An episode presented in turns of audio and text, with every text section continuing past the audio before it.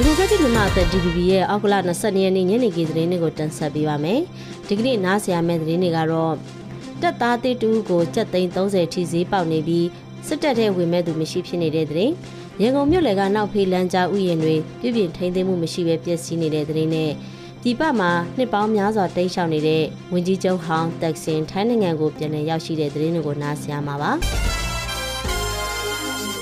စစ်ကောင်စီတပ်မှလူရင်အားနှဲပါလာလို့စစ်သားစုဆောင်ရေးတွေကိုတပ်သားတည်တယောက်ရရှိပါကကြက်သိန်း30ထိရမယ်လို့မက်လုံးပေးထုတ်ပြန်ထားပေမဲ့ဝေမဲ့သူမရှိပဲအခက်အခဲဖြစ်နေတယ်လို့တပ်သားစုဆောင်ရေးတပ်နဲ့နှိစက်သူစီကသိရပါဗျ။2023ခုနှစ်ဇူလိုင်1ရက်နေ့ကစတင်ကတပ်သားတစ်တယောက်ရရှိပါကစီယုံနိုင်သူကိုကြက်သိန်း30ထိပြန်လည်ပေးအပ်မယ်လို့ တက်ရင်အားဖြစ်တင်ရင်ညွှန်ကြားရေးမှူးကအမိန့်ထုတ်ပြန်ခဲ့ပေမဲ့ဝင်ရောက်မဲ့သူမရှိဘူးလို့စုဆောင်ရေးတပ်နဲ့နှိစက်သူတူက DPP ကိုရှင်းပြပါဗျ။စစ်တပ်ကအာဏာသိမ်းပြီးတဲ့နောက်ပြည်သူ့ကာကွယ်ရေးတပ်မတော် PDF တွေကစစ်မှုထမ်းဟောင်းတွေကိုပြစ်မှတ်ထားပြီးလှုပ်ကြံပြစ်ခတ်မှုတွေကြောင့်မဝင်ရဲတော့တာဖြစ်တယ်လို့စစ်မှုထမ်းဟောင်းတူကသုံးသပ်ပြောဆိုပါရယ်တပ်သားစုဆောင်ရေးကိုကာကွယ်ရေးဦးစီးချုပ်ကြီးကနေဒုတိယဗိုလ်ချုပ်မှူးကြီးစိုးဝင်းကဦးဆောင်ပြီးတပ်ရင်အားဖြစ်တင်ရင်ညွှန်ကြားမှုမှာဗိုလ်ချုပ်ထွန်းတောက်ဖြစ်တယ်လို့သိရပါဗျ။ တပ်ရင်အားဖြစ်တင်ရင်ညွှန်ကြားမှုရုံလက်အောက်ရှိတပ်တွေမှာအမှတ်1အမှတ်2အမှတ်3နဲ့အမှတ်4တပ်မတော်စုဆောင်ရေးတပ်တို့ဖြစ်ပြီးတစ်နှစ်ကိုတပ်သား900ရှာဖွေပေးရတာဖြစ်ပါတယ်။ရန်ကုန်မြို့လယ်ရှိနောက်ဖေးလန်းကျောင်းဥယျာဉ်တွေဟာစစ်တပ်အာဏာသိမ်းပြီးနောက်စီကတ်မဲ့အမိုက်ဖြစ်သူတွေကြောင့်ဆိုးဆိုးရွားပျက်စီးနေပြီလို့အဲ့ဒီနောက်ဖေးလန်းကျောင်းဥယျာဉ်တွေရဲ့အနီးအနားမှာနေထိုင်သူတွေကပြောပါရယ်ဟိုးရင်နှစ်ပေါင်းများစွာအညစ်အကြေးတွေနဲ့ဆွန့်ပစ်ထားတဲ့ရန်ကုန်မြို့လယ်ရှိနောက်ဖေးလန်းကျောင်းတွေကို NLD အစိုးရလက်ထက်မှာအများပြည်သူတွေအပန်းဖြေနားနေနိုင်အောင် နောက်ဖေးလန်းကျောင်းဥယျာဉ်တွေအဖြစ်ပြုပြင်ပြောင်းလဲထားခဲ့တာဖြစ်ပါတယ်။ကိုဗစ်ရောဂါပထမလှိုင်းအချိန်မှာတော့ရက်ွက်နေပြည်သူတွေရဲ့ဆုံးဖြတ်ချက်နဲ့နောက်ဖေးလန်းကျောင်းဥယျာဉ်တွေကိုရန်ကုန်မြို့တော်စီမံသားရေးကော်မတီကယာယီပိတ်သိမ်းခဲ့ပြီးပြည်ပြင်ထိန်းသိမ်းမှုတွေပုံမှန်ပြုလုပ်ခဲ့ပါတယ်။2021ခုနှစ်စစ်အာဏာသိမ်းပြီးနောက်ပိုင်းမှာတော့ပြည်ပြင်ထိန်းသိမ်းမှုတွေမရှိတော့ဘဲဆိုးဆိုးရွားပျက်စီးသွားခဲ့တာဖြစ်ပါတယ်။ဒါပြင်အခုလိုစီကတ်မဲ့အမိုက်ဖြစ်တာနဲ့ပြည်ပြင်ထိန်းသိမ်းမှုတွေဆောင်ရွက်ဖို့ခက်ခဲနေတာကြောင့်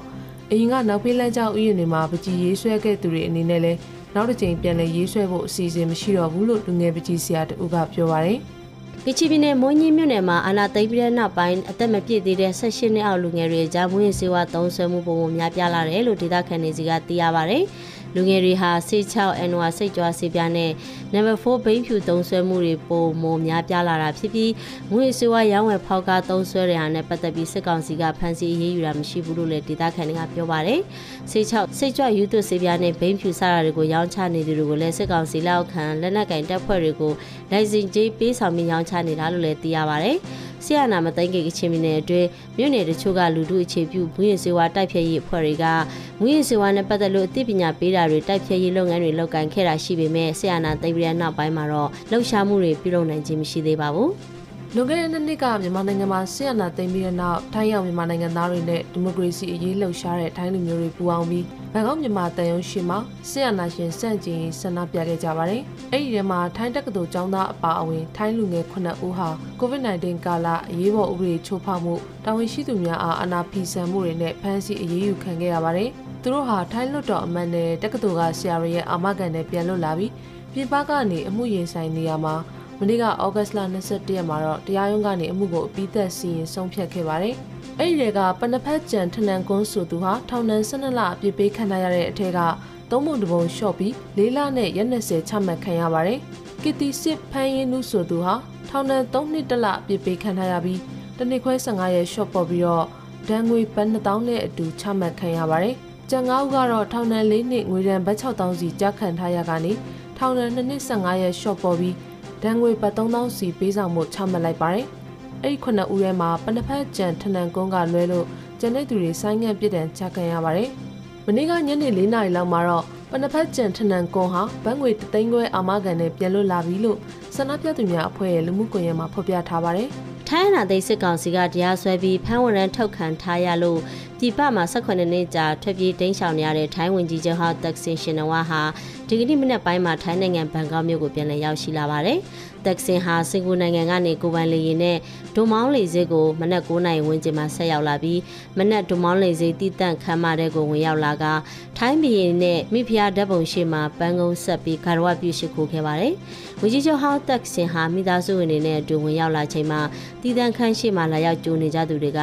ဝမ်းတာအားရအောင်ဟိကျူဆိုဆိုခဲ့ကြပါတယ်။ဝန်ကြီးချုပ်ဟောင်းကိုလူမှုကြီးကြပ်ရေးဌာနကအထောက်အထားတွေစစ်ဆေးပြီးခုမရဲစခန်းမှာတရားခံစစ်မှန်ကြောင်းစစ်ဆေးကဗဟိုတရားရုံးမှာနိုင်ငံရေးဆိုင်ရာပြည်မှုတွေနဲ့အမှုကြားနာခဲ့ပါတယ်။အဲဒီနောက်ထောင်နဲ့၈နှစ်ကြာခံရမယ်လို့တရားရုံးကပြောပြီးသူ့ကိုဘန်ကောက်အထူးအကျဉ်းထောင်စီကိုခေါ်ဆောင်သွားခဲ့ပါတယ်။ထိုင်းနိုင်ငံအနေနဲ့ရရကဖွဲ့ထိုင်းပါတီအားပေးနေသူတွေကတော့မနေ့ကလေးကကြိုတင်ခီးထွက်ခွာလာပြီးလေစိတ်မှာဝင်ကြီးချုပ်ဟောင်းကိုလာရောက်ကြိုဆိုကြပါတယ်။ တီရှက်အနေစင်တွေဝတ်ထားတဲ့လူအုပ်ကြီးမှာဖွဲ့ထိုင်းပါတီအလှန်တွေကင်ဆောင်ဝှေ့ရန်ကဝင်ကြီးချုပ်တက်ဆင်ကျမ်းမာပါစေဝင်ကြီးချုပ်တက်ဆင်ပြန်လာပြီးစသဖြင့်ဝမ်းတာအားရအောင်ဟိတ်ခဲ့ကြပါတယ်။တက်ဆင်ဟာအာနာအလွဲသုံးစားလှုပ်ဆောင်မှုနဲ့စစ်တပ်ကဖြုတ်ချပြီးနှစ်နှစ်အကြာအကျဉ်းချမခံမီလွန်ခဲ့တဲ့15နှစ်ကပြည်ပကိုထွက်ပြေးတန်းရှောင်ခဲ့တာဖြစ်ပြီးအာနာအလွဲသုံးစားမှုဆွဲချက်ကိုသူကညှင်းထားပါတယ်ရှင်။